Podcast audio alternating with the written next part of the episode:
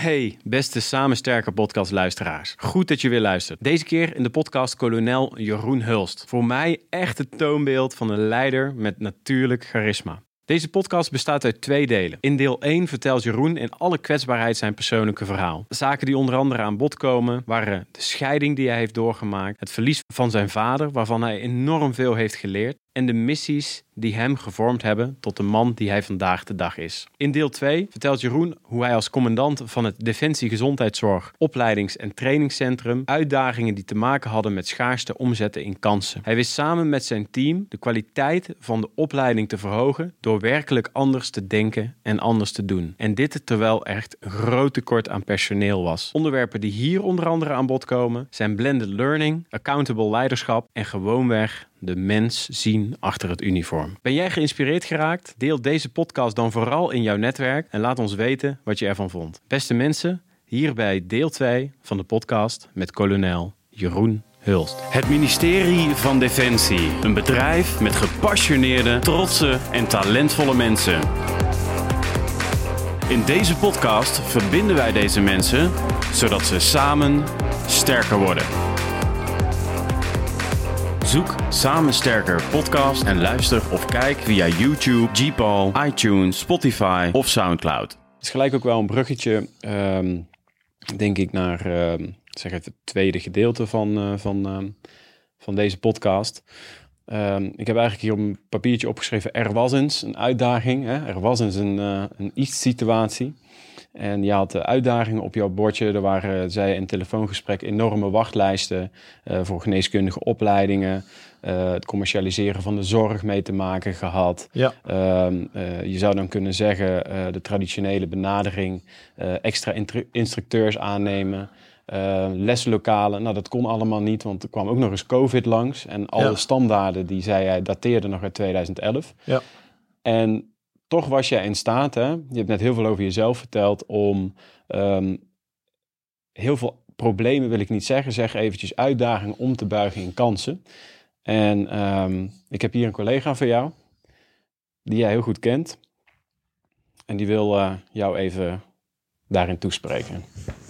Jeroen, voor deze gelegenheid neem ik plaats op jouw vertrouwde plek.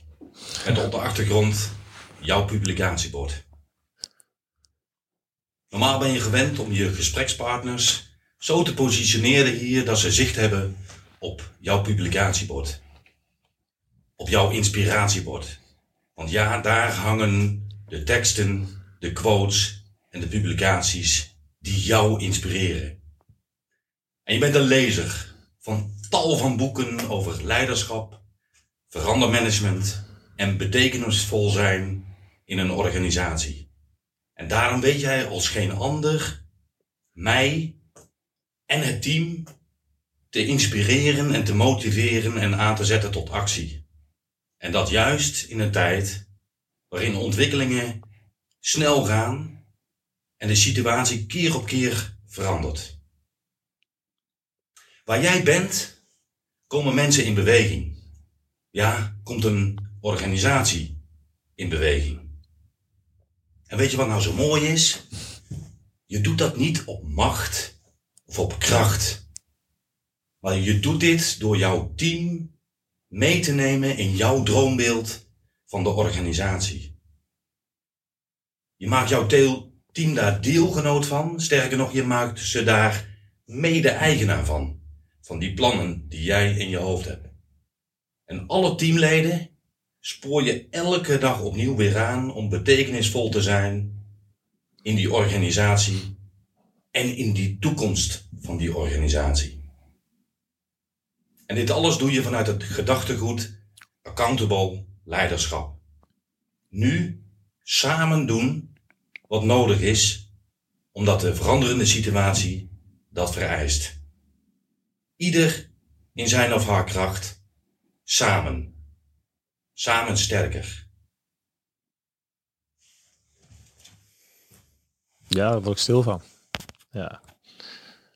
Ja, en ook omdat het, eh, om, om, om- omdat Johan het is. Johan is voor mij eh, ja, een super gewaardeerde collega en maar vooral ook een fantastisch mens. En eh, We hebben nu ook een heel mooi team, hè? dus het is ook heel complementair. En wat ik, wat ik ook mooi vind, hè? want ik ben uh, eind 2018 dus op het DGODC gekomen en ja, daar moest echt gewoon veel gebeuren.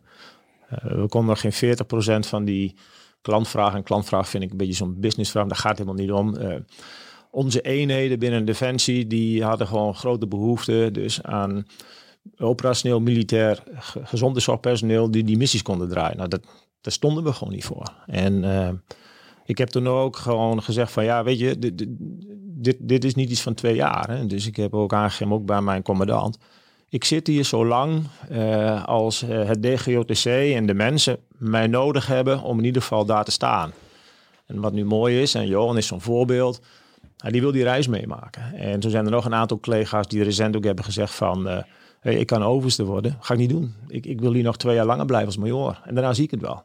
Ja, dat vind ik gewoon gaaf. Dat vind ik gewoon gaaf dat je samen dat betekenisvol wil zijn voor iets waar het voor mij in, het, in, mijn kern, hè, dus in weer terug naar die jonge pelotonscommandant en dan kijk ik weer naar Bosnië. Wij leiden mensen op, jonge mensen, die dus wij onder de meest extreme omstandigheden brengen. En die moeten daar het verschil maken tussen leven en dood. Mooier is het niet. En uh, dat is zo'n grote verantwoordelijkheid. En dat is ook zo'n grote driver, dus voor mij en mijn team, maar ook daarvoor op het militair revalidatiecentrum. En ook daarvoor bij de luchtmobiele brigade. En wat ik ook al bij je aangaf van, um, wat is toeval? Wat zijn gidsen in je leven? Ik vind dat ik een fantastische loopbaan achter me heb met fantastische banen. En elke keer als ik weer kom, denk ik van ja, het moet zo zijn dat het nu zo is. Vanuit die tijd bij de geneeskundige compie, bij de luchtmobiele brigade, ben ik zeven jaar commandant geweest. En vanuit die zeven jaar was de Oerskamperiode.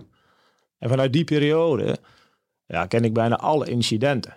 De, de zelfmoordaanslag op de markt. Eh, dus uh, zeggen, wat zeg maar, bij White Compound gebeurd is. En bij Chora, noem het allemaal maar op. Uh, en elke keer als die teams van mij terugkwamen, riepen die altijd maar één ding. hey Cap, hey major, um, wij waren fantastisch opgeleid. En super team had ik. En, uh, en dat alleen uh, maakt dus gewoon zeg, wow. En als ik dan nu jongens tegenkom uit die tijd, die ook grotendeels niet meer bij Defensie werken, allemaal gewoon goed terechtgekomen. En die kijken dus heel betekenisvol terug op die tijd. Mm -hmm. Terwijl zij ook collega's hebben verloren daar. Ja. En dan kom je daarna kom je op het Militair Revalidatiecentrum. Wat ook wel een bijzondere stap is wat ik je heb aangegeven. Want niet 1, 2, 3 mijn keuze. Maar ik werd gevraagd en heb dat gedaan. Dan kom je Jijke Brandsma tegen. Dan uh, kom je uh, Ramon Zonde van, Dennis van Nes en Mark van der Kuilen. Je moet ontmoet al die mensen. Die dus bij die incidenten dus zwaar gewond zijn geraakt. Maar nog wel leven. En daar hoorde ik twee verhalen. Daar hoorde ik inderdaad het verhaal van... Het laatste wat ik hoorde is dat die militair verpleegkundige zei tegen die merk... gieteren met het infuus. En toen ging het licht uit. Maar ik ben er nu wel. Maar ik hoorde ook verhalen van... Uh, dat het geneeskundig systeem niet goed functioneerde. En dat ze er nog waren als gevolg van hulp en ondersteuning van de lokale bevolking. En dat die uh, geneeskundig verzorger daar heel veel last van had. En dus nu met PTSS kampt. En dat is voor mij ook die driver nu, als ik nu kijk, hè, nu als commandant op het DGOTC. Ik wil voorkomen, dus in die initiële opleiding, dat dit soort jonge collega's, dat die zich niet bekwaam voelen of machteloos voelen in een bepaalde situatie, mm -hmm. dat ze er niet voor kunnen staan. Nou, en dat is denk ik die mooie rode draad. En zo'n Johan die haakt dan daarbij aan. Ja, en wat ik wel bijzonder vind, want uh, vanuit strategie, als ik mensen bezoek krijg, of het nu een CDS is of een DDAOG of het is een burgemeester, wat ik ook tegen jou zei, ik leg altijd iets op tafel. Hè? Dus wat mij inspireert, waarvan ik weet van, dat moet ook een haakje naar jou zijn. Want ik wil met jou dat gesprek voeren. Ja. En die laat ik ook altijd naar mijn bord kijken. Want ja. wat, wat daar op het bord staat, is belangrijk voor ons. En als ja. die meneer, mevrouw er iets in kan betekenen, wil ik dat gesprek met hem daarover hebben. Ja. Dus en uh, dat Johan dan daar gaat zitten, dan zit ik naar die quotes uh, te kijken denk ja, ja, ja, ja. Ja. Wat maakt dat je daar um, stil van werd? Want je, ik zag aan je dat het je raakte. Hè? Ja. Uh, um, dat, dat zag ik aan je. Um, Johan Melsen, hè? zeg ja. ik dat goed? Ja. ik hoor hem over accountable leiderschap. Ja. Ik het zo nog met je over hebben. ik hoor hem over betekenisvol. Daar heb ik je al heel vaak over gehoord. Mensen die voor jou wilden blijven, gaf je net ook aan. Ja. Dat je dat zelf ook hebt uh, toegezegd voordat het hier, Ja. ik blijf hier. Wat maakt dat dat jou raakte, dat stuk? Wat, ik er eerder aan gaf, ik vind, ik vind het soms moeilijk eh, als anderen iets over mij zeggen. Weet je, want het gaat niet over mij. Hè? Dus aan de andere kant geven zij wel vaak, ja, het gaat ook over jou. En, en maar ook hè, wat je net zegt van, zij kiezen ervoor om bij mij te komen, bij mij te blijven. Maar ik kies er ook voor om bij hun te blijven. Omdat ik vind dat we dat samen moeten gaan, gaan doen. En, ehm, nou, en het raakt mij ook vooral, kijk, Johan ken ik ook heel goed en hij kent mij ook heel goed, ook vanuit mijn privé. Ja, en als hij dat dan daar zegt tegen mij, ja, daar, word- daar word ik stil van, dat raakt Ja. me. En, en, maar ook met gepaste trots, hè. die eerlijkheid is het ook. En van, ja, ik, hey, ik ben er wel trots op dat zij dat zo ervaren en dat Ja. zij dat zo zien. Want eh, ja, dat, dat- dat is mooi. Behandel, zoals je, behandel de ander zoals je zelf ook behandeld wil worden. Ja, Dat hoor ik hierin. Ja, en, en, en, en kijk ook vooral naar de mensen. Dus dat vind ik ook altijd daarin eh, gewoon heel erg belangrijk. Daar, daar Ja. gaat het ook uiteindelijk om. Hoe geef jij daar ehm, feitelijk invulling aan? Want ik hoor accountable leiderschap. Ehm, ehm, misschien, misschien voordat je antwoord geeft op die vraag, hoe kwam je daar binnen? Dat heb je tegen mij telefonisch even verteld. Hoe kwam je daar binnen? Ik gaf net aan, jullie ehm, conformeerden je nog aan de standaarden van 2011. Ehm, ehm, eh, er moesten opleidingen plaatsvinden, maar die konden niet op, eh, plaatsvinden. En dat gaat nu allemaal wel. Ja.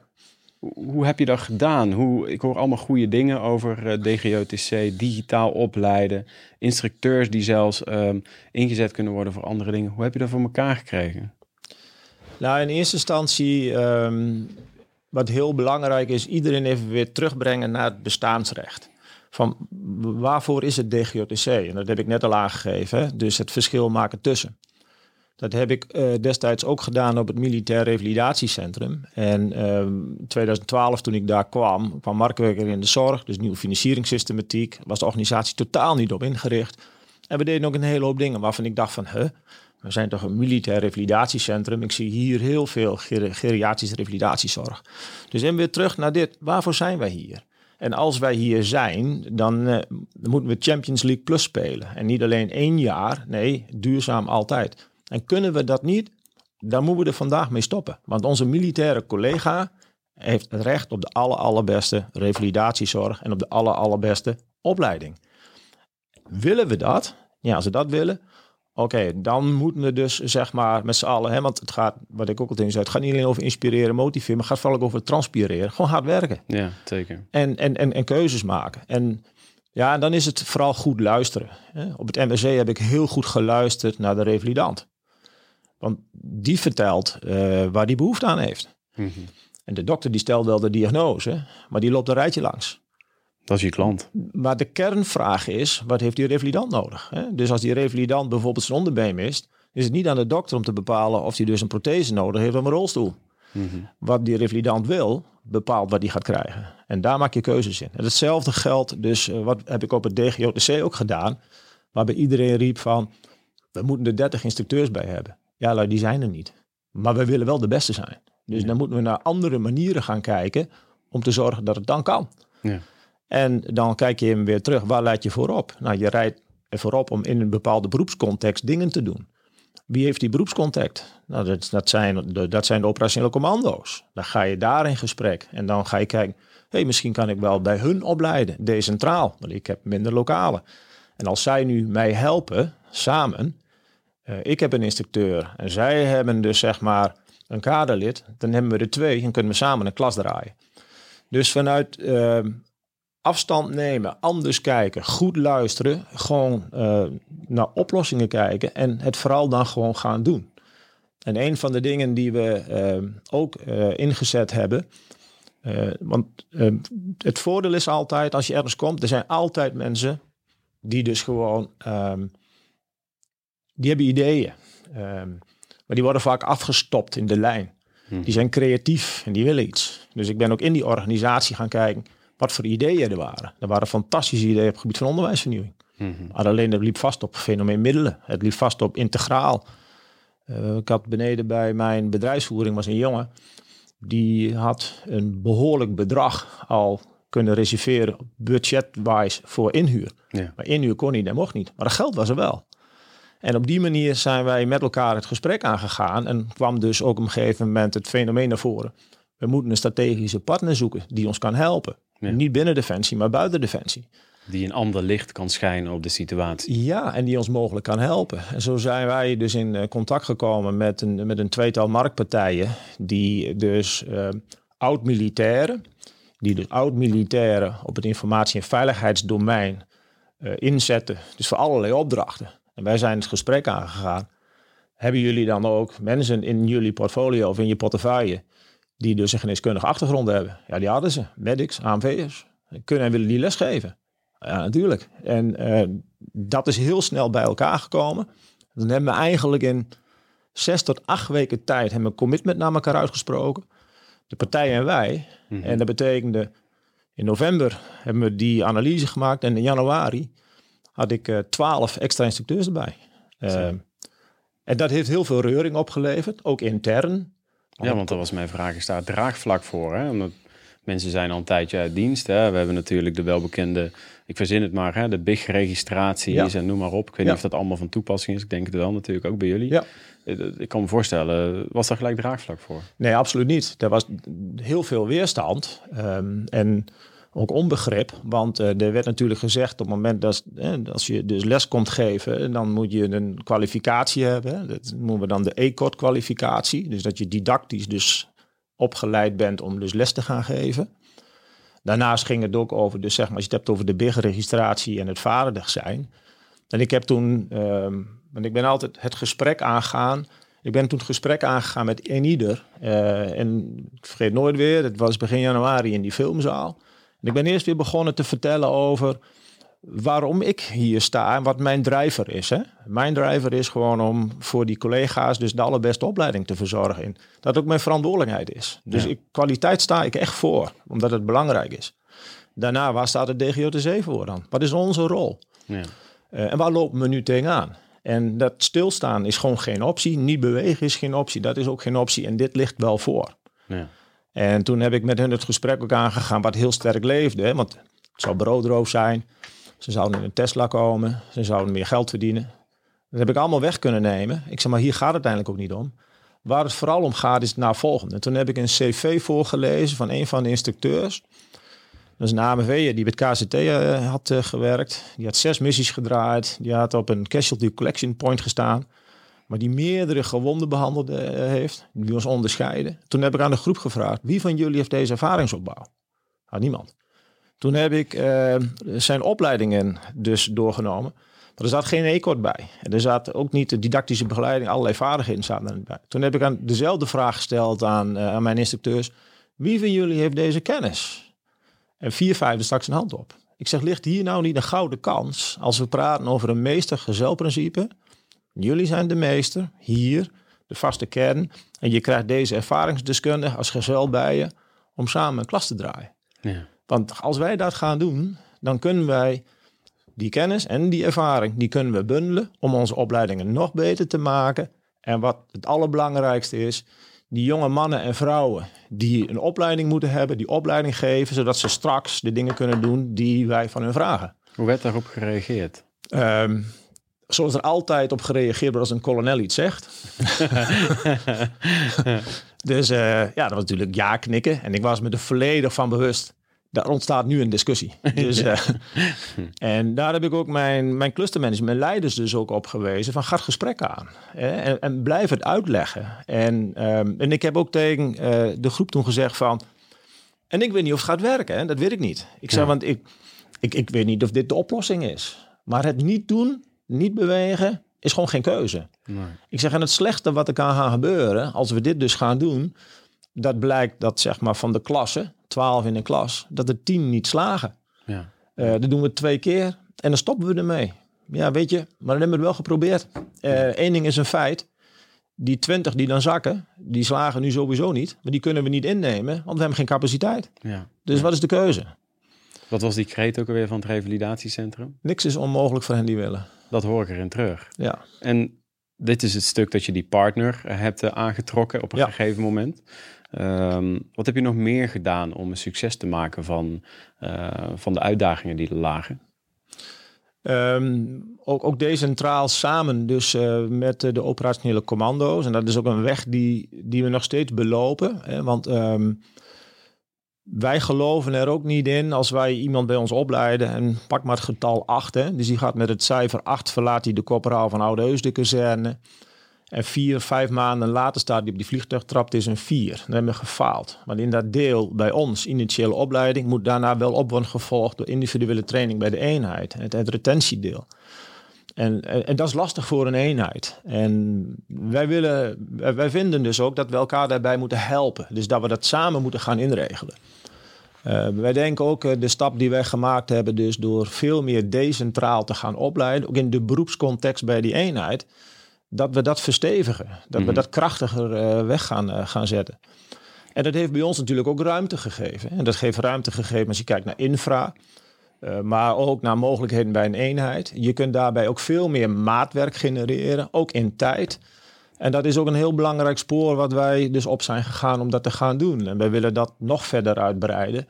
Uh, waarbij we zeggen van ja, uh, waarom moet je een, een medic die bij uh, de BSB werkzaam is in, op de Hollandse radingopleiding, waarom doe je dat niet dus zeg maar in Soesterberg op zijn huis, thuisbasis weer, in zijn omgeving, met zijn spullen en met zijn middelen. Ja. En um, ja, dat, dat, dat, dat werkt. Dat, dat gaat gewoon, gewoon heel erg goed. Dus eigenlijk zeg je ook iedere leerling zijn eigen tempo.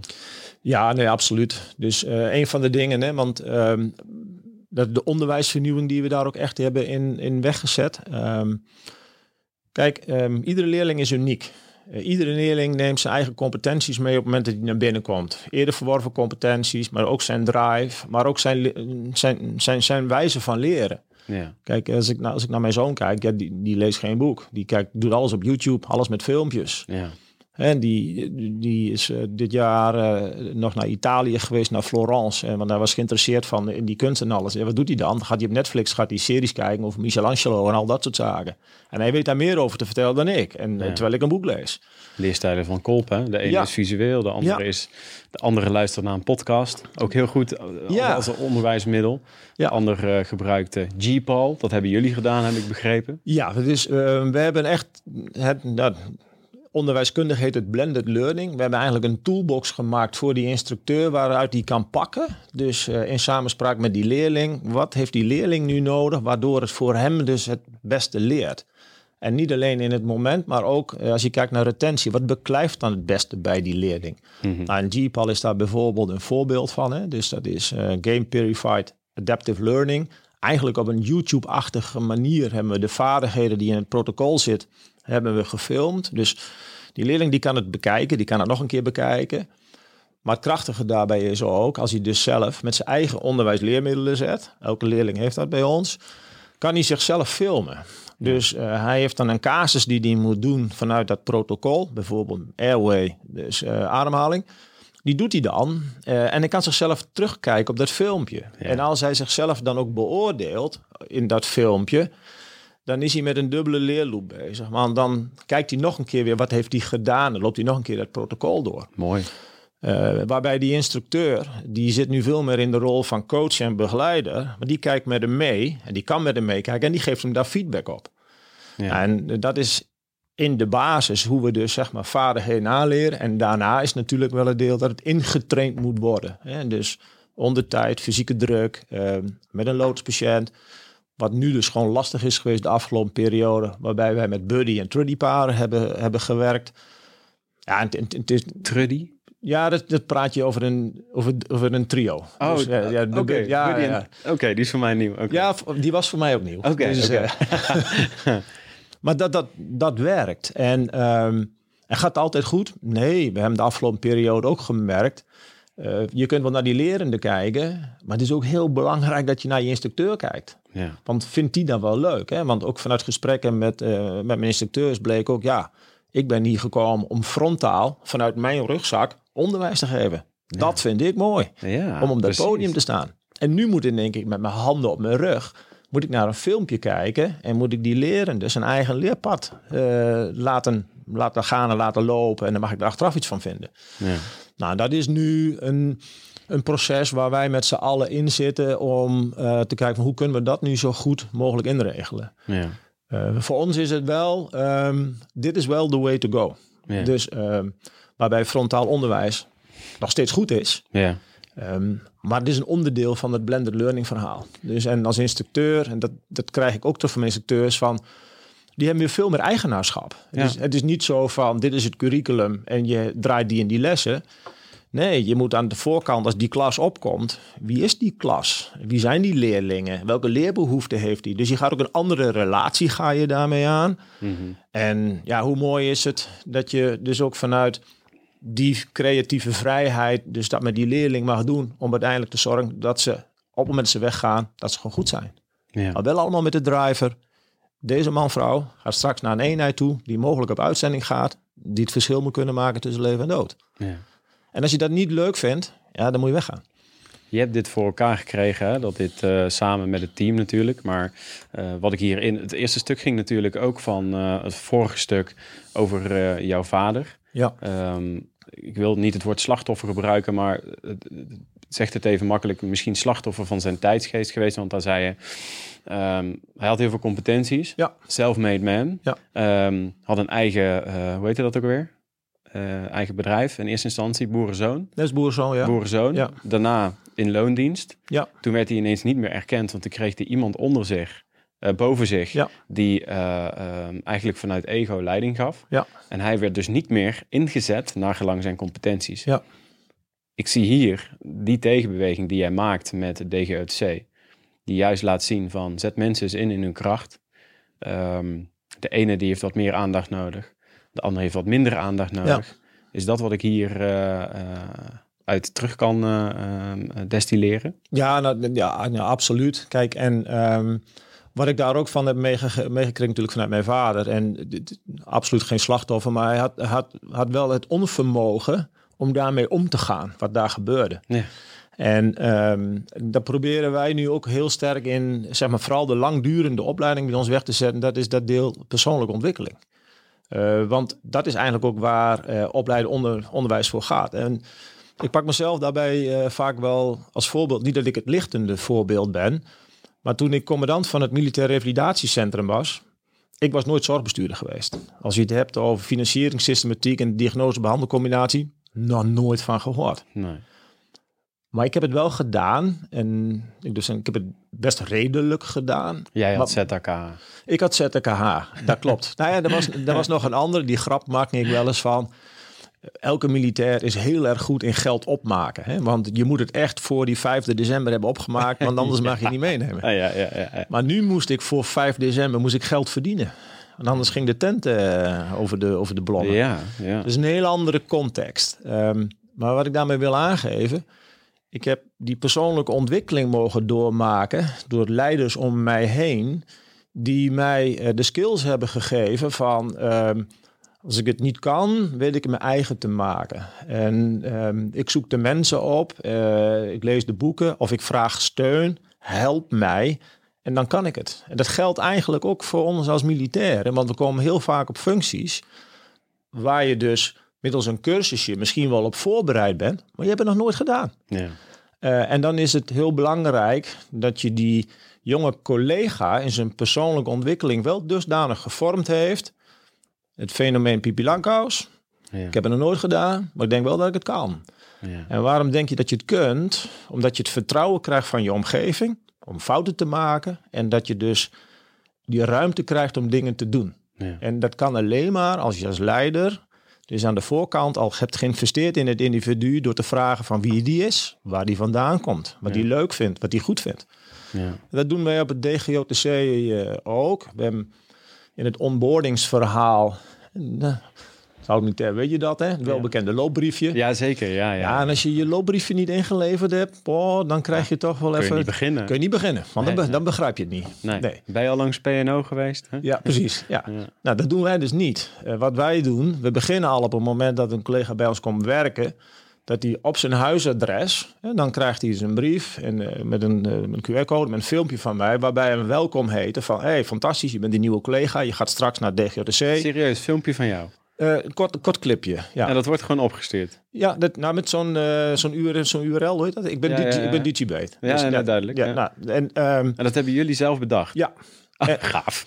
Heel en, gaaf. ehm, en, en dat is de fase van, hé, hey, ik word verwacht. Ja. Leuk, weet je. En op het moment dat iemand dan komt, dan heb je natuurlijk wel het standaard verhaal. Je wordt bij mij opgevangen door mijn DGODC-adjudant en daarna direct zeg maar, door het cluster, door een collega of de leidinggevende. En eh, dat is de fase, ik ben welkom. En Mhm. wat ook belangrijk daarbij is, dat diegene dan ook, dus zeg maar, de voorbereiding getroffen zijn. Dus dat die ook echt zich welkom voelt. Het bureau moet er staan, de spullen moeten er staan. ik ben welkom. eh, Ja, En ik mag er zijn. ja. Ja.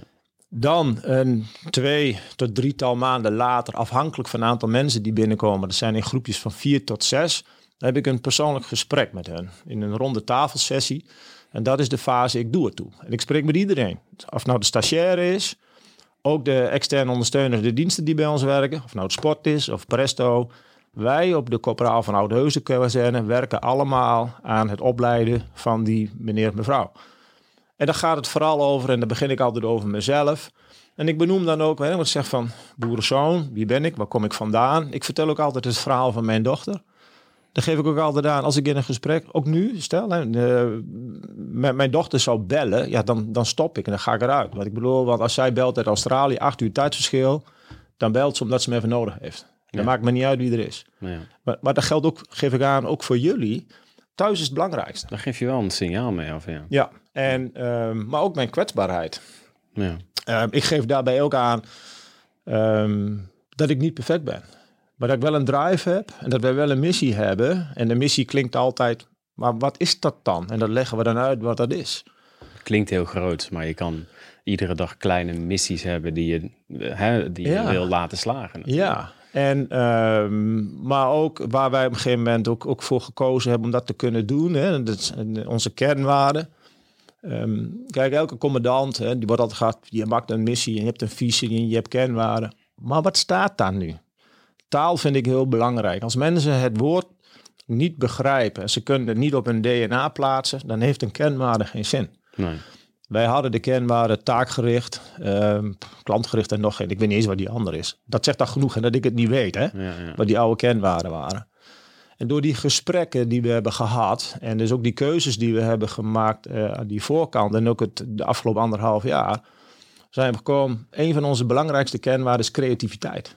Mhm. Maar die instructeur die moet creatief zijn met die leerling om uiteindelijk te zorgen dat die leerling gewoon het optimale leerrendement heeft. Een andere eh, kernwaarde is betrokkenheid. Als ik niet oprecht betrokken ben bij jou, of bij die leerling, of bij mijn collega, weet je, dan beklijft het niet. Hè, maar Ja. dan gaat het op macht of dan gaat het op anders. En die derde, die is, die is, dat is passie. En ik vind, dat moet je hebben. Hè. Elke dag dat je naar je werk gaat en zegt, ja, we gaan er weer een mooie dag van maken. En natuurlijk is elke dag geen mooie dag. Er zijn altijd dingen die niet leuk zijn of anders zijn. Wat is dat? Passie? Ik vind passie, dat, is, dat vind ik een, een, een drive, betrokkenheid en gevoel in je werk. Ja. Dus eh, energie, dat is, dat is de energie die je met je mee moet brengen. Ja, wat ik erin hoor eigenlijk, de kernwaarden die je net schetste, die het waren, waren heel erg extrinsiek. Ja. En die je nu omschrijft, die kun je voelen. Ja. En daar kunnen mensen zich mee identificeren. Ja. Als je gepassioneerd je werk doet, Ja. eh, vanuit, een bepaalde, eh, vanuit een bepaald gevoel en Ja. identificatie, ja, dan kan het niet anders dat de missie slaagt, toch? Ja, en eh, eh, je moet het ook elke keer weer kunnen gebruiken. Dat roep ik ook altijd, ook zeg maar bij mijn, bij mijn jonge leiders, hè, die ik op de clusters heb, eh, heb zitten. Vraag ik ook alleen maar, hoe kijk jij naar creativiteit? Wat betekent het voor je? We hebben een kwaliteitsbeleidsverklaring, daar staan ook een aantal dingen in. Want creativiteit vraagt van een leider dat hij in staat moet zijn om dingen los te laten. Want de creativiteit die ligt echt op de werkvloer. Ja, ja. Dus, en als je dat geen ruimte geeft, dan ontstaat er geen ruimte voor creatie. En dat is wel eens lastig. Ook voor mij. Dan denk Ja. ik ook van, hoe, weet je, zal ik dit doen? Maar je merkt wel dat dan de mooiste dingen ontstaan. Ja. Want mensen komen niet naar hun werk toe om er een puinhoop van te maken. En als in de mindset zeg maar goed zit, wa- wat, drijft mij hier? En je geeft ze die ruimte. Ja, dan staan er fantastische dingen. Zo, zo was ik een paar, eh, paar weken terug ontzettend verrast. Hè, want ik heb in het eerste deel van dit jaar eh, heb ik op het territoriaal operatiecentrum gewerkt als, als hoofdmet. Dus ik ben even een aantal maanden uit het DGOTC gehaald en dan kom ik terug. Ja, en dan roepen ze, ah, je moet even mee naar achterloop, naar het lesgebouw. We hebben een virtual classroom. Virtual classroom? Oké, what happened here? What happened here? Maar dan zijn twee instructeurs, eh, samen dus zeg maar met de man die bij mij voor de IVCT eh, verantwoordelijk is, mijn beheerder. Die hebben een, een lokaal ingericht, een soort als dit, een soort van een studio, waarin ze dus eh, virtuele lessen kunnen opnemen. En dan op een hele interactieve manier, waarbij we op afstand dus zeg maar meerdere leerlingen dus zeg maar kun- daarin kunnen begeleiden. Ja. Ehm, maar dan ook vooral weer vanuit het principe, we, we gaan het gewoon doen. Hè? Want ja, is alles al ingeregeld om het te kunnen doen? Nee, nog niet. Hè? Want die online leeromgeving zijn we nog mee bezig, alles. Maar we, we hebben dat al wel gedaan. Dus straks zijn we er wel klaar voor. Ja. En daar hebben we niet allerlei specialisten voor ingehuurd. Nee, waarom? Omdat die twee jongens vanuit eh, hun hobby en hun interesse en hun passie... dit kunnen wij gewoon gaan doen. Dit gaat ons helpen. Ja, ik vind het zo inspirerend. En ik heb even flink mee zitten schrijven. Want volgens mij als je jou een vraag stelt, jij, eh, jij praat wel. En daar ben ik heel blij mee. ik heb je niet voor niks natuurlijk hier eh, uitgenodigd. Ehm, wat ik er ook in hoor, hè, ehm, je zei straks, ehm, kwetsbaarheid is heel belangrijk. Ja. Ehm, door jouw eigen verhaal in het eerste stuk is dat helemaal helder voor een luisteraar waar die kwetsbaarheid hem in zit en waar dat bij jou vandaan komt. Eh, ik hoor het ego hier dus durf afstand te nemen. Durf ook los te laten, dat hoor ik hierin. En als je dat dus doet, dat, dat zie ik echt als rode draad door jouw hele verhaal heen. Als jij dus afstand neemt van een situatie, eh, dat frontaal lesgeven vond ik heel mooi wat je zei. Want ehm, als je gewend bent frontaal les te geven, dan doe je dat, ehm, sorry dat ik het zeg, vanuit een bepaald ego. Want dan Ja. ben jij degene Klopt. die op, ehm, op de verhoging staat, op het Ja. podium. En jij gaat het vertellen. Het vergt nogal wat kwetsbaarheid. Kwetsbaarheid is overigens bij mij synoniem voor dapperheid. Water is hard en water is zacht. Eh, klinkt heel filosofisch. Maar doordat jij dat gecreëerd hebt, doordat jij een onboarding pro- programma hebt ehm, ehm, eh, opgezet eh, samen met de club, eh, dat er ruimte is voor gevoel, dat mensen al aan de voorkant, ehm, dat mensen dat mensen weten van, hey, ik mag er zijn. Dus mijn creativiteit mag er ook zijn. Ja. Je creëert letterlijk en figuurlijk ruimte waar mensen mogen, fouten mogen maken. Ja. En dan ga jij dus weg. En wat zie je dan? En ik denk misschien wel een mooi eh, bruggetje naar eh, welk soort leiderschap jullie hanteren. Accountable leiderschap. Ehm, dan zie je dus dat jij door de ruimte die je gecreëerd hebt, dat mensen, dat je self-made man creëert en women. Ja. Is dat, is dat een beetje, denk je, de samenvatting van de rode draad die ik door jouw verhaal heen hoor?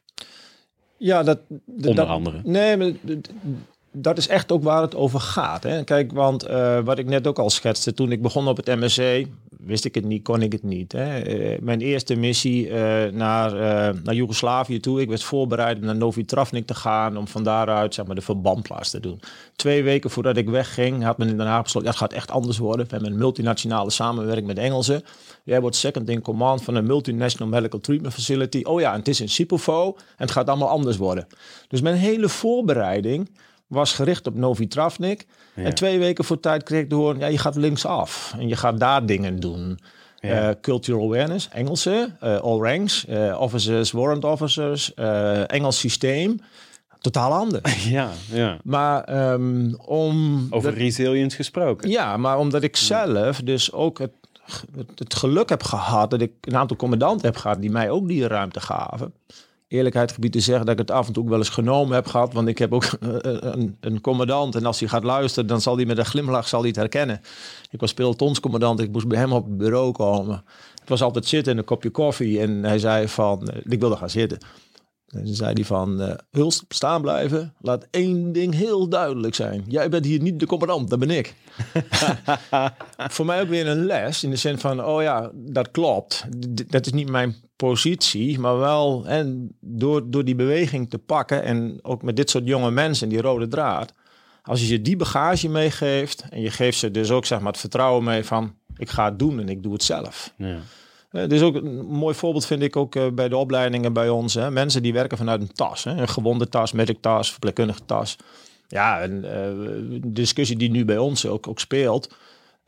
dat is ook het leuke, door zo'n verandering. Dan komt in één keer alles komt dan los. En dan hebben ze bij onderwijsleermiddelen, dan ga je je tas halen. Maar dat is niet jouw tas. Dat is de tas van de DGODC. Er Ja. zitten DGODC-spulletjes in. Waar is het eigenaarschap? Ja. Dus waarom komt die collega niet met zijn eigen tas bij ons? Want daar werkt hij toch mee. Ja. Die verantwoordelijkheid heeft hij er toch voor. En als hij een casus heeft, en we praten over een casus in een opleidingssetting, maar als het een incident is in een inzetgebied, dan moet die tas wel kloppen. Ja. En die inhoud moet ook kloppen. En als je hem dat daar aan de voorkant al niet bijbrengt, dan gaat hij daar in de uitvoering in de mist. Dus, en dat zijn kleine dingen die uiteindelijk op het grote goed heel bepalend zijn voor vorming.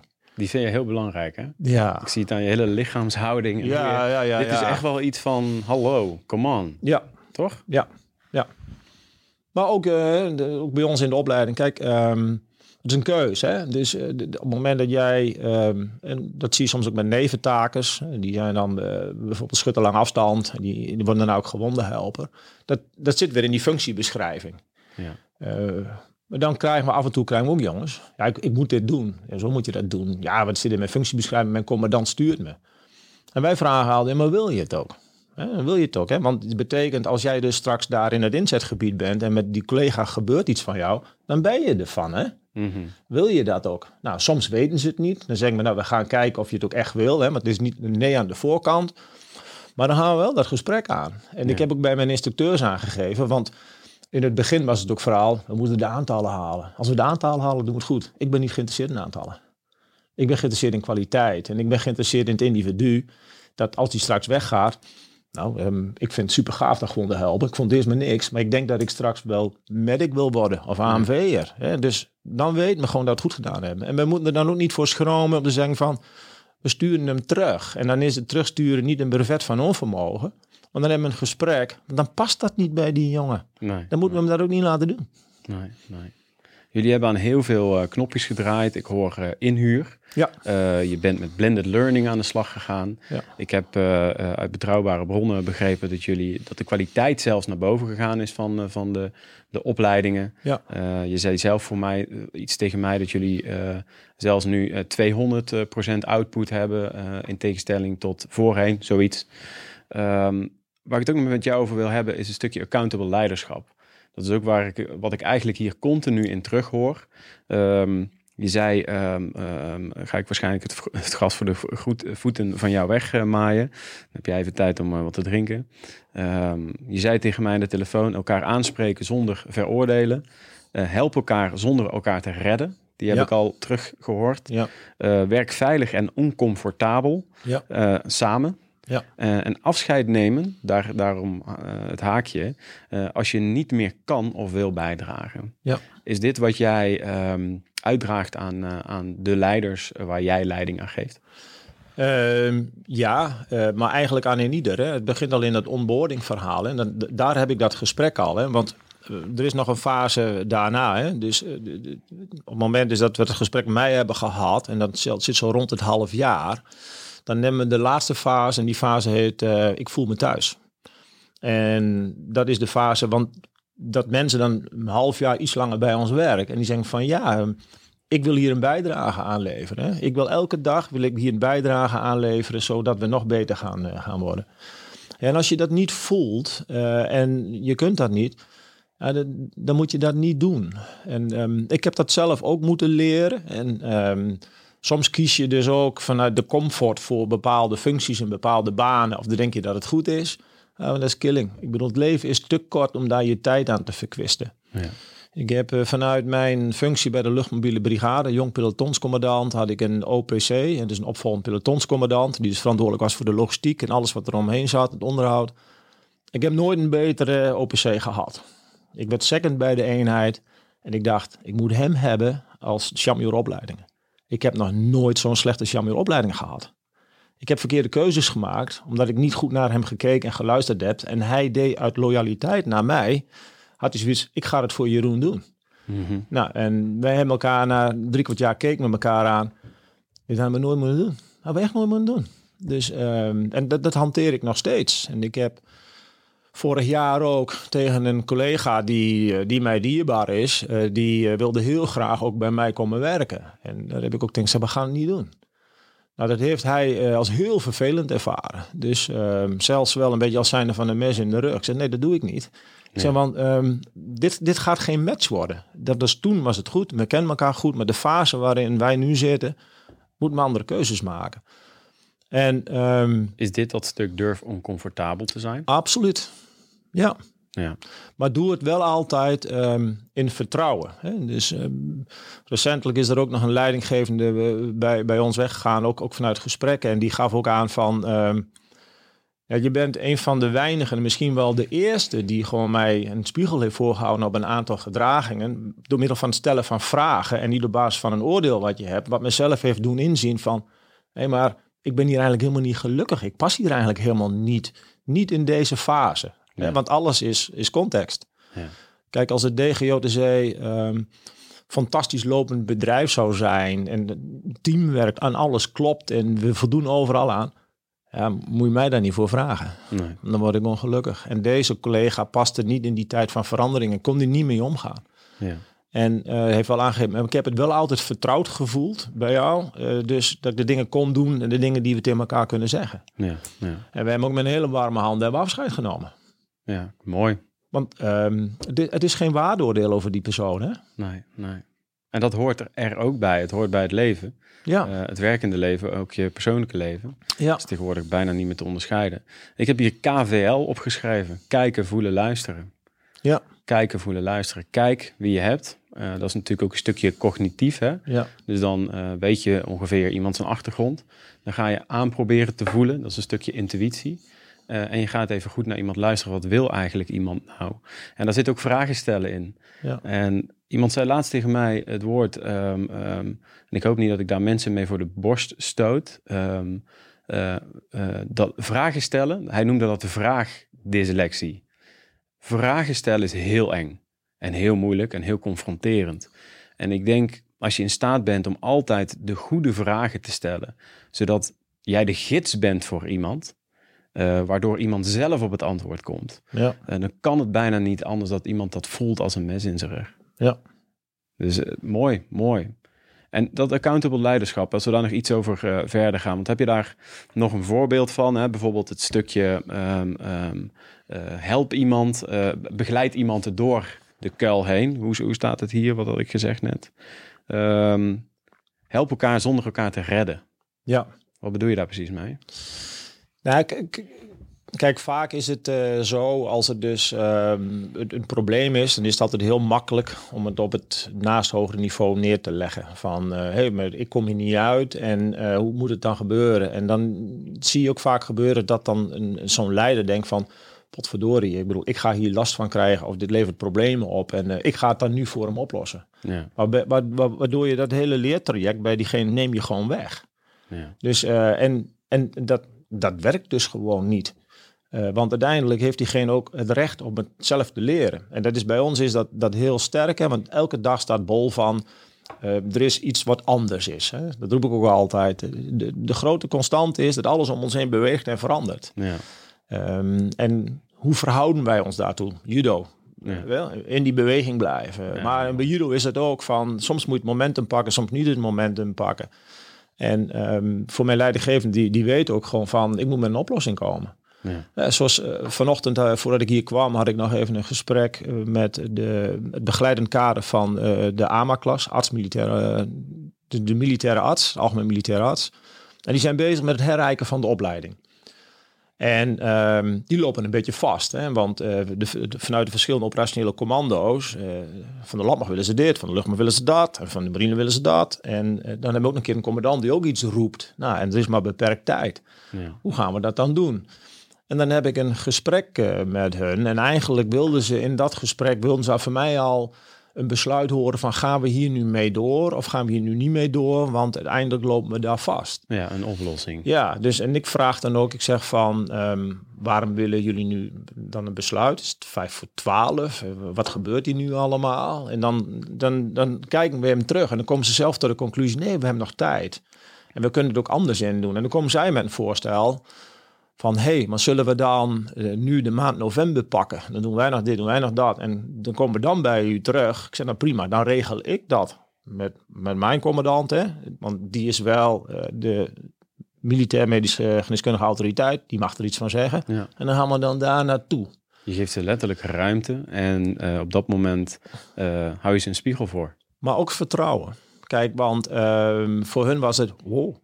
Want het commitment is, want wij hebben met elkaar afgesproken, maar die opleiding zal wel drie, vier jaar lang zou die herijkt worden. En ik stel dan ook elke keer de vraag, en ook in het begin, waarom is dat nog niet gebeurd? Nou, als het niet gebeurd is, is het niet belangrijk. Of hebben we geen tijd en geen ruimte? Nou, Ja. daar werd geen prioriteit aan gegeven.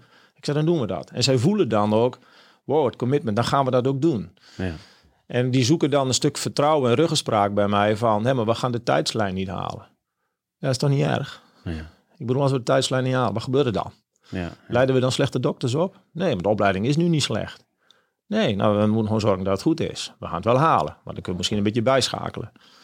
En, en, en- ook door vraagstelling, wat je net zei, ehm, dat is ook vrij recent. Ook een jonge leidinggevende die nu ook net op een cluster zit. Hè, die kan van kapitein naar major, moet eigenlijk ook die majoorsopleiding doen.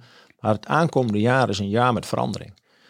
Die heeft voor zichzelf, ja, maar eigenlijk wil ik wel op die majoorsopleiding. Dan kan ik boos worden en zeggen, hoe haal je het in je pepernoot? In die fase dat jouw team dus zeg maar in die verandering zit, dat jij dan even een paar maanden uit wil voor die majoorsopleiding. Ja. Maar wat mij dan puzzelt is, waarom wil hij dat? Dus ik heb dat gesprek met hem. Dus en dan gaan we met van, hey, hoe gaat het met je? Daar begin ik altijd mee. Nou, hoe is met thuis? Je zit nu net op, de, op het cluster, gaat het? Oké, hoe ziet het volgend jaar eruit? En gaande dat gesprek kwam hij tot de conclusie. Toen zei hij op een gegeven moment, eh kolonel van die opleiding gaan we gewoon vergeten. Dat is helemaal niet handig. Dus eh, ik zei, oké, okay, ik maar waarom vraag je het dan? Ja, maar ik dacht dat en misschien kon... Het is helemaal niet handig, zegt hij, want ik ben verantwoordelijk voor het team en er gebeurt zoveel. Ja. Vindt u het goed dat we dat laten doen? Ik zeg, hé, hey, maar vind jij het goed dat we het wat laten doen? Ik zeg, maar jij wil die vraag stellen, toch? Ja. Ja. Dus, en, dus die manier mensen zelf tot het inzicht te laten komen, is niet handig. Geef mensen vertrouwen. ehm, eh, creëer veiligheid. Ja. Neem de tijd voor mensen. Ja. Heb aandacht, hoor ik je ook zeggen, Ja. voor de mensen. Eh, want je moet aandacht hebben voor mensen en Ja. tijd nemen voor mensen om tot deze eh, uitkomsten te komen, lijkt mij. Ja, aan de andere kant, Danny, is het ook zo. Hè? Want ik weet niet hoe de uitkomst van zo'n gesprek is. Hè? Want ik had natuurlijk wel een verwachting, omdat je hem kent. eh, dus en dat je hem ook op die positie graag ziet. Als hij tegen mij gezegd had van... Ja, maar ik wil echt in die periode op deze opleiding. Dan had ik gezegd, dan gaan we afscheid nemen. Ja. Want op het moment dat jij jouw persoonlijke belang in deze, wat geen urgentie heeft... eh, want wat gaat het je brengen in de meerwaarde naar de functie? Ja, je moet het doen. Mhm. En als dat prevaleert boven dat team, hoor je niet thuis. Nee. Dan, dan zijn het verkeerde drijfveren. Maar ook helderheid. Hè? Dus eh, als de intrinsieke eh, of zijn kernwaarden niet aansluiten bij de kernwaarden van die jullie gesteld hebben, Ja. ehm, dan is het misschien ook zo dat hij niet daar thuis gehoord had Nee. als hij daarvoor gekozen had. Ja. Dus dat mooi. Ik wil langzaam naar het einde toe gaan eh, kabbelen met elkaar. Volgens mij kunnen wij uren praten over deze onderwerpen. dat is natuurlijk hartstikke mooi. Hey, ehm, we hebben nog een, eh, een, een, een ander bedrijf eh, om, om het DGOTC heen. Ehm, de gehele krijgsmacht. Ik hoor hier Ja. allerlei goede dingen. Ehm, accountable leiderschap, ruimte geven aan elkaar. Goede kernwaarden die vanuit intrinsiek, dat waren de woorden die ik eraan toevoegde. Ehm, ik hoor allerlei goede dingen. Kunnen we deze manier, deze mindset die eh, jij door jouw ervaringen bedacht hebt, kunnen we die plakken op heel het bedrijf? En zouden we die in alle onderofficiers dan wel officiersopleidingen wat jou betreft moeten gaan invoeren? Of is dat te makkelijk gedacht? Nou, ehm, heel generiek en daar heel, heel hoog. Hè? Kijk, eh, wij pretenderen binnen onze organisatie dat de mens centraal staat. En als de mens centraal staat, dan vind ik ook dat je naar mensgericht leiderschap moet. En dan wel eh, met een, eh met een krijgsmachtsausje. Het moet niet soft zweverig. Het mag soft zweverig, maar dan pak ik hem terug naar hard en hard. Hè? Het begint met dit, dat hard met een T. Hè? Ehm, die jonge man, vrouw, die kiest voor dat pak. Dat doet hij bewust. Hij kiest voor dat vak. Dat doet hij met zijn hart. Dus we moeten, ook dat hart moeten we laten bloeien.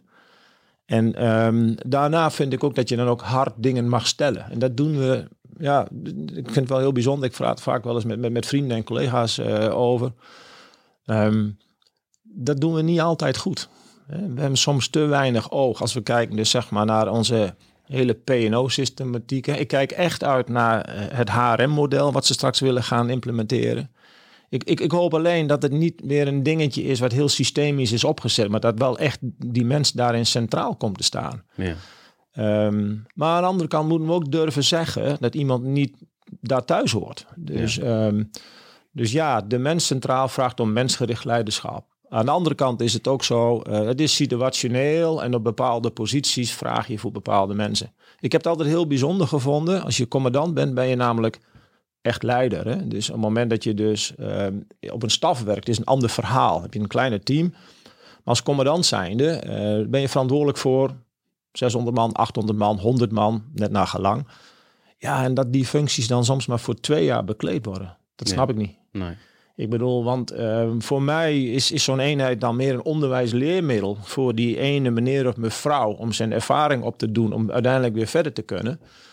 Nou, dat, dat, dat vind ik toch wel heel kwetsbaar. Dus en, uh, en niet dat ik het goed doe, absoluut niet. Ik doe het vanuit mijn eigen overtuigingen. Ik kies er altijd voor om, ook afhankelijk van de situatie, om er lange commandant te zijn. En daarmee commitment aan een team uit te spreken, maar ook daadwerkelijk iets te kunnen bijdragen uh, daaraan.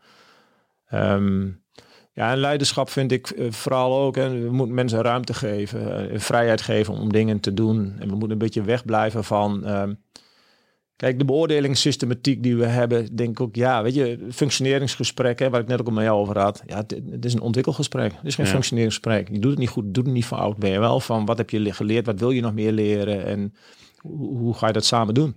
Ja, ja. mooi.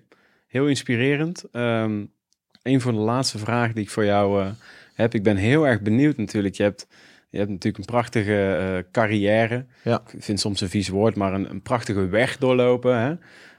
Um, uh, minder mooie dingen, maar ook hele mooie dingen. Je bereikt met jouw kennis en kunde prachtige dingen, als ik dat zo mag stellen.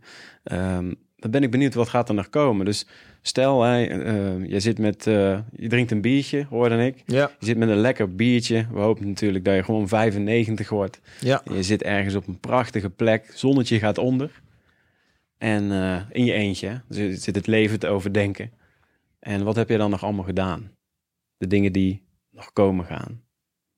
Ja, dan, dan zou ik 120 moeten worden.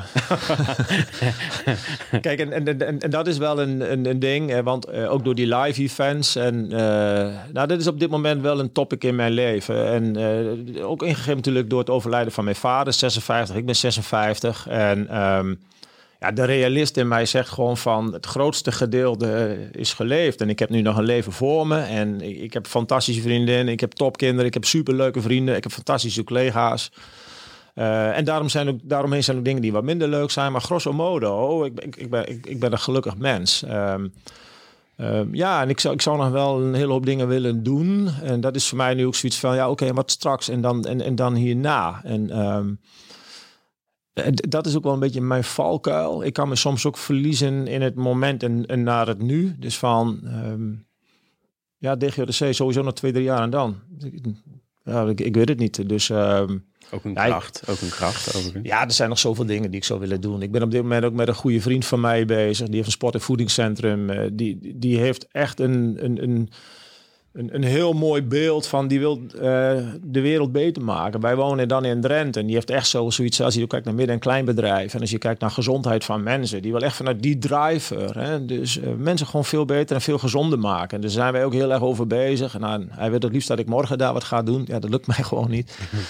Uh, ik zou ook heel graag het judo-pak weer willen aandoen en de mat op gaan en naar die jonge jongens weer uh, dingen gaan doen. Uh, nou, de, de, eerlijkheid gebied te zeggen, ik heb gewoon veel te weinig tijd de laatste tijd besteed aan mijn zoon. Ik zou ook graag weer dingen willen doen met mijn zoon. Ik weer terugpakken naar de 12-jarig, 10-jarige jongetje op de achterbank, weet je wel.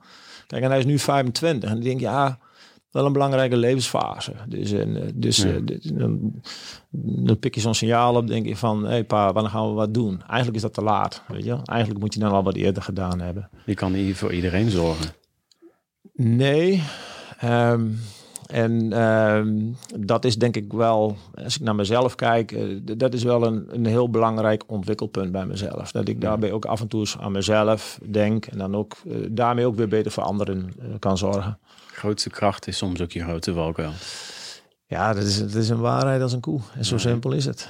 Dus een, hey, mooi verhaal. Heb ik nog wat um, gemist dat jij denkt, nou Danny, toen ik hier naartoe reed, toen had ik eigenlijk wel gedacht dat je die vraag nog ging stellen. Is er nog iets wat niet aan bod is gekomen? Iets wat je mensen mee wil geven, de collega's mee wil geven? Nou, kijk, ik moest een formulier invullen. En uh, dat formulier uh, stond er ook op van welke vraag vind je dat er gesteld moet worden. En ik vind dat uh, iedereen, of die nu een leider is of geen leider is, gewoon in die naaste omgeving gewoon eens moet vragen van, hé, hey, hoe gaat het met je? Een leuke dag? Uh, en van daaruit oprechte aandacht uh, en daarbij ook, ook, een stukje erkenning en waardering. En dat doen we vaak te weinig. En ik zeg ook regelmatig ook tegen mijn jonge leiders, heb je vandaag een compliment gegeven? En heel vaak is het antwoord nee. En dat is niet goed. Nee. Dus, uh, want we zijn wel heel goed in het zeggen van ja, dit ging niet goed of dat moeten we doen. Sta stil bij het geven van een compliment aan iemand en zie dan eens wat voor effect het op iemand heeft. Ja. En dat doen, dat doen we gewoon te weinig. En kijk, als ik ochtends wakker word en ik kijk naar mijn vriendin, uh, ja, weet je, dan het zeggen van ik hou van je of van god, het ziet er leuk uit. Of, weet je, dus er zijn zulke kleine dingen. Dus naar mijn zoon laatst ook, nou, eh, ik heb te weinig tegen gezegd de afgelopen periode. Dat merk ik omdat ik heel druk ben geweest met mijn werk. Dat ik trots op hem ben waar hij nu staat. Ja. Um, en dat is iets wat mijn vader uh, vanuit zijn boerenzoon minder gezegd heeft en niet gezegd heeft. Waarvan ik wel weet dat hij dat gezegd heeft. Maar die vraag puzzelt mij wel eens van... hey, hoe heb jij nu naar mij gekeken hè? Als, als jonge jongen? Ja. En uh, dat is ook het gesprek wat ik wel eens met hem voeren nu hij er niet meer is. Hè? Dus dan, ik ga regelmatig naar zijn graf. En dan hebben we een gesprek. Dus weet je wel. Dus, uh, en dat zou ik iedereen willen meegeven van... Vraag eens hoe het met iemand gaat, weet je wel. En, uh, en geef iemand een compliment, want het ziet er leuk uit. Ja. Zo simpel. Ja, oprechte aandacht. Elkaar complimenten geven. Prachtig. Ja. Ik vind het super gaaf. We gaan hem hiermee afronden. En uh, ik wens jou heel veel succes met alles wat je aan het doen bent. Uh, ja, wellicht dat uh, over een tijdje, over een jaar kom je gewoon eens een keer terug in de podcast. En dan ben ik benieuwd wat je dan allemaal aan het doen bent. Ja, dus, ik, ik, ik, kom zeker nog bij jou op, uh, op de zenmat. Dus oh, uh, die, die afspraak staat. Zeker. En uh, nou, ik vond het, ik, ik vond het een superleuk gesprek. Dus voor mij is de tijd voorbij gevlogen. Dus ja, super. Bedankt hiervoor. Helemaal goed. Wij gaan nog een bakje koffie drinken samen. Ja. Zoek Samen Sterker podcast en luister of kijk via YouTube, Gpal, iTunes, Spotify of Soundcloud.